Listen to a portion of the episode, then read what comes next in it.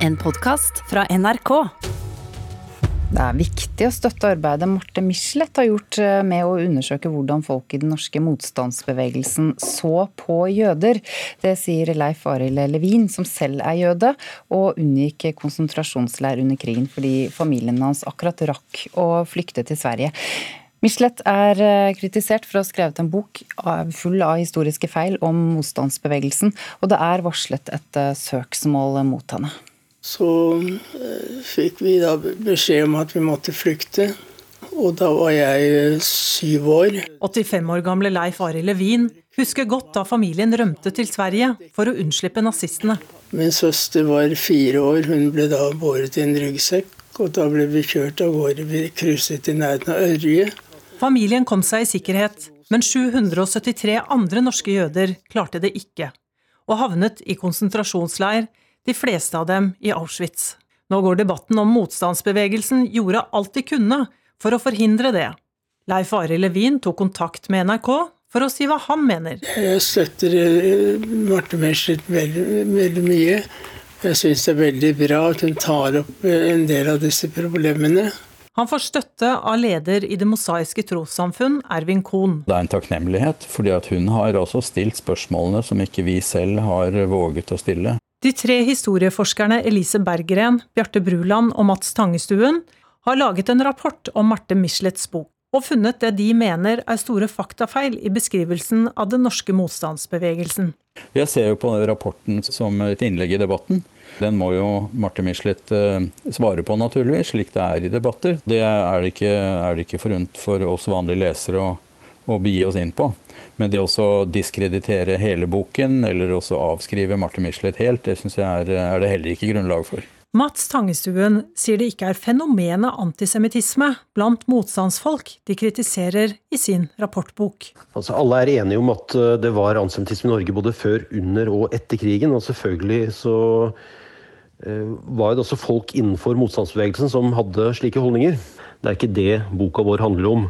Boka vår handler om eh, Michelets framstilling, og om den har grunnlag i kildematerialet. Også folk i det jødiske miljøet har vært kritiske til Michelets bok, og pekt på at 1200 jøder ble reddet under krigen, og at de som reddet jødene, gjorde det med livet som innsats. Men Ervin Kohn mener han snakker på vegne av flertallet i Det mosaiske trossamfunn når han sier at han er takknemlig for boka.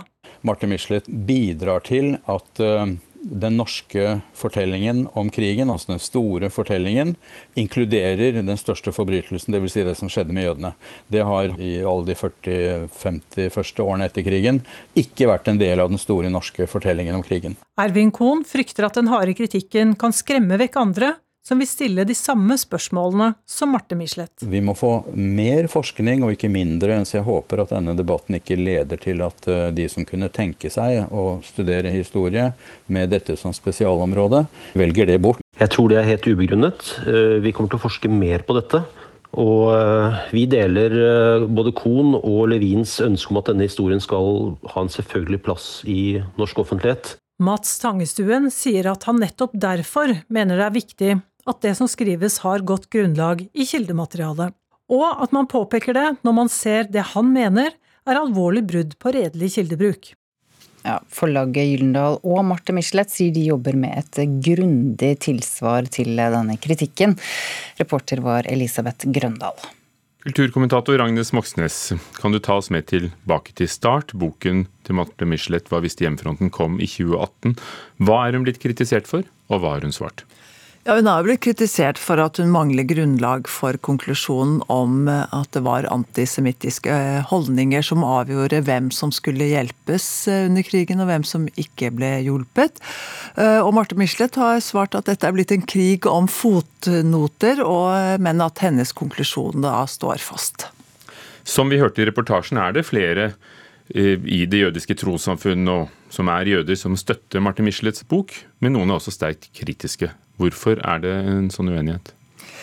Altså, Vi må jo huske her at halvparten av den jødiske befolkningen i Norge ble utryddet under krigen. Og av de 773 som ble deportert til Tyskland, så var det altså bare 38 stykker som kom tilbake.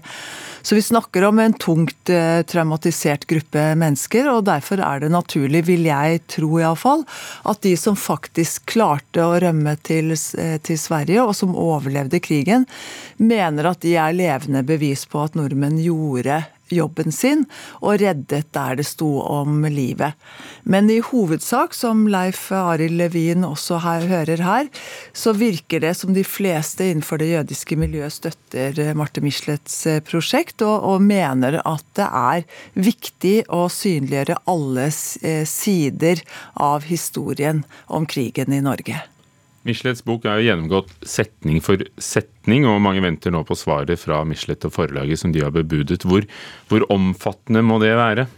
Er det jo slett ikke uvanlig at historikere står opp mot historikere, og at bruk av kilder og tolkning av disse kildene er en del av den kompliserte jobben som må gjøres når man skal liksom pusle sammen et fullgodt bilde av historiens gang. Eh, og her må også Marte Michelet tåle kritikk. Eh, og Noen ganger så må man jo konkludere med at man rett og slett har ulike oppfatninger. Men i denne saken her så er jo frontene blitt så uforsonlige. altså Det er kommet trusler om søksmål og krav om at Marte Michelet må trekke boka si, eller at boka hennes må trekkes fra forlaget. Og da er det vel kanskje liten grunn til å tro at hennes svar kommer til å roe gemyttene. Som vi hørte i reportasjen, forstanderen i De mosaiske trossamfunn, Ervin Kohn, og Leif Arild Levin, som da var med på å bli reddet under krigen, er engstelige for at eh, folk ikke vil tørre å stille spørsmål om antisemittismens rolle i norsk krigshistorie, og har de et poeng? De har jo et eh, poeng, eh, og spørsmålet om hvorfor så Eh, uforholdsmessig mange norske jøder ble sendt til gasskamrene, krever at det stilles ubehagelige spørsmål. Og nå har Marte Michelet stilt de spørsmålene med da den påfølgende debatten som har kommet etterpå. Og så er det da historiker Mads Tangestuen som vi hørte. Han er en av forfatterne i denne såkalte motboken, som mener at norsk antisemittisme må og skal belyses, men han er altså kritisk til Michelets kildebruk. Er det mulig å skrive en slik bok uten å bli kritisert? Er altså Mats Tangesø har jo rett i at dette temaet er blitt forsket på. Men det journalisten, da, eh, Marte Michelet, eh, har gjort, er jo å stille en del overordnede spørsmål om hjemmefronten visste, om deportasjonen av jødene før det skjedde, og om jødene ble forskjellsbehandlet.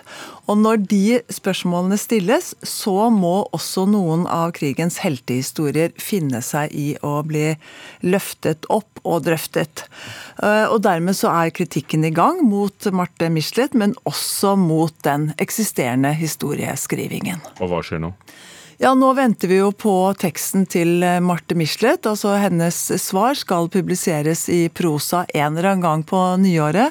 Og så får vi jo se da om det uvanlige skjer, at, en, at historieforskning eller en bok om historien blir løftet inn til domstolene. For det er jo meldt et mulig søksmål mot Marte Michelets bok. Takk, kulturkommentator Agnes Moxnes.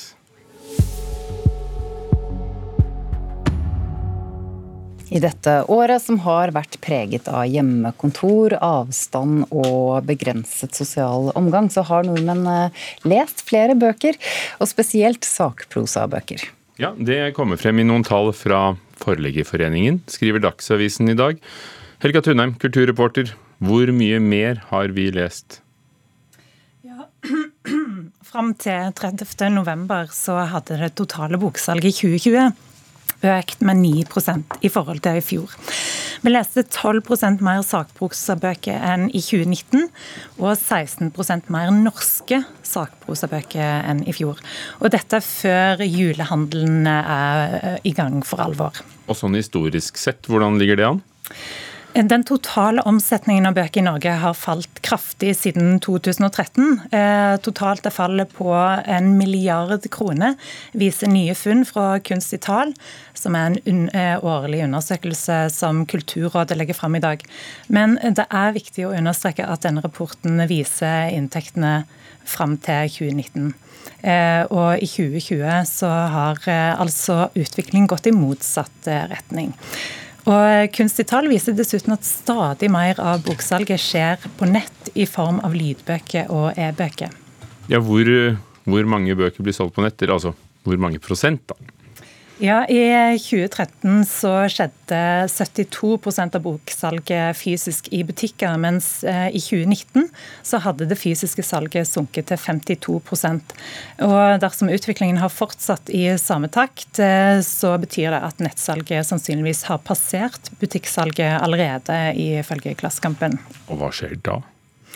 Ja, Før jul i fjor så gikk Nota Bene-kjeden konkurs, og flere norske byer og tettsteder mista sitt eneste bokutsalg.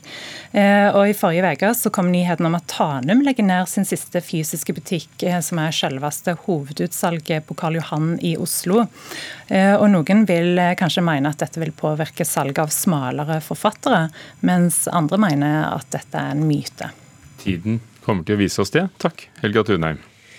Å finne bøker til barn er jo ikke alltid så lett. Ehm, det finnes et mylder av dem, og hvilke barnebøker eh, passer til hvilke barn? Anne Katrine Straume, du anmelder barne- og ungdomsbøker her i NRK. Velkommen. Hvorfor syns du det er så vanskelig å sette en aldersmerkelapp eh, på barnebøker? For det første så er barn eh, like forskjellige som voksne er i sin smak. Altså de er individuelle og har ulik smak. Eh, for det andre så er de også i ulik modenhet eh, og har ulike leseferdigheter. Det er ikke så lett alltid å vite hvilket nivå de befinner seg på. Og for det tredje så er det f.eks. billedbøker som ofte retter seg mot et voksnere publikum som har et annet blikk for å tolke undertekst i bøker hvor det ikke finnes så mye tekst. Så, så det er ganske vanskelig å sette en sånn klar og definitiv merkelapp, aldersmerkelapp på barnebøkene. Men likevel så skal du gi oss noen tips nå til årets beste barnebøker for eh, spesifikke aldersgrupper. Eh, vi begynner med de eldste ungdommene. Hvilken eh, bok vil du trekke frem? Da vil jeg trekke frem 'Alexander den store' av Peter Strasseger. Det er en ubehagelig bok. Det er en bok for ungdom. Og det er en bok om vold. Alexander han har vært i en konflikt med en annen kamerat på skolen. Og det har blitt så voldelig at Alexander har skadet den andre gutten for livet. Nå skal det sies at den andre har drevet og trakassert eh, Alexander i lang tid. Men kan det forsvare den voldsbruken? Eh, Strasseger han eh, forsvarer ikke, men han forklarer kanskje hvordan vold kan oppstå. Familien reiser til Norge, de kommer til Norge, og Alexander møter et nytt miljø. Foreldrene håper at dette skal bli bedre, men volden fortsetter. Det blir en sånn nedadgående spiral. Eh, det er en, en, en sterk og brutal bok, men også en bok som lar leserne tenke selv. Ja, Det syns jeg er veldig fint. Og for dem som er litt yngre, eh, altså da i barneskolealder, eh, og som kan lese selv, eh, så anbefaler du Frode Øverlis 'Frida og jakten på nesehårene. Hvorfor det? Ja, det er noe helt motsatt av den realistiske, hardtslående historien som ungdomsboken var. Dette her er en ellevill, um, fantasifull historie. En tegneserie. Uh, Frode Øverli han skriver om Frida, lille Frida, som om kvelden når hun skal legge seg, er redd for at det er monstre under sengen. Ikke i nesehårene. Nei, fordi altså, disse monstrene de dukker opp og tar henne med til eh, mellomland, som ikke er drømmeland, men hun blir i hvert fall tatt med dette landet hvor hun skal redde dem fra en evig vinter. Fordi harpen som de prøver å um, uh, spille frem vår med, den har noen nesehår som kommer fra det fæle trollet. Og disse nesehårene er ødelagt, så Frida hun må ut på oppdrag for å finne nesehår fra trollet og redde altså våren til, til disse monstrene, da. En morsom historie og det er altså fantasifullt gjort av eh, Frode Øverli. Ja, for han er jo kjent for mange som skaperen av tegneserien Pondus. Eh, må man kjenne til Pondus for å ha glede av denne boken? Nei, det må man ikke, for dette her er en eh, veldig åpen og raus fortelling. Men det hjelper kanskje litt altså, som en sånn bonus, fordi at Frida hun dukker også opp i universet til Pondus, denne faren som ikke alltid er like omsorgsfull og kanskje mer opptatt av fotball enn den lille foretaksomme Frida. Og så til slutt et tips eh, til de aller minste. Og eh, der vil også forfatteren være kjent, men kanskje for en annen type eh, bok? Ja, dette er Frode Grytten. Han skriver jo noveller og romaner for voksne. Nå samarbeider han med illustratøren Mari Kanstad Johnsen, som har laget noen veldig veldig fine bildebøker før, bl.a. en ABC og en original tellebok om Anna og farmor. Nå samarbeider altså Grytten og Eh, Mari Kanstad Johnsen om en eh, leggetidsbok. Leggetid heter boken, og her møter vi en datter som nettopp ikke vil at det skal være leggetid. Hun vil ikke sove, og ber faren da om å, å, fortelle en historie om henne. Uh, og det vil han først ikke, for det er jo sent. Men så blir han liksom bitt av denne basillen. Hva kan fantasien gjøre? Så han forteller om her kan vi ha troll, her kan vi ha superkrefter, her kan vi ha alle muligheter. Og så viser det seg da at datteren kanskje syns det er best likevel med den trygge hverdagen og pappas fang. Takk. Listen over barne- og ungdomsbøker som anbefales av deg, kritiker Anne Katrine Straume, finner du på nrk.no. Du har hørt en podkast fra NRK. Hør flere podkaster og din NRK-kanal i appen NRK Radio.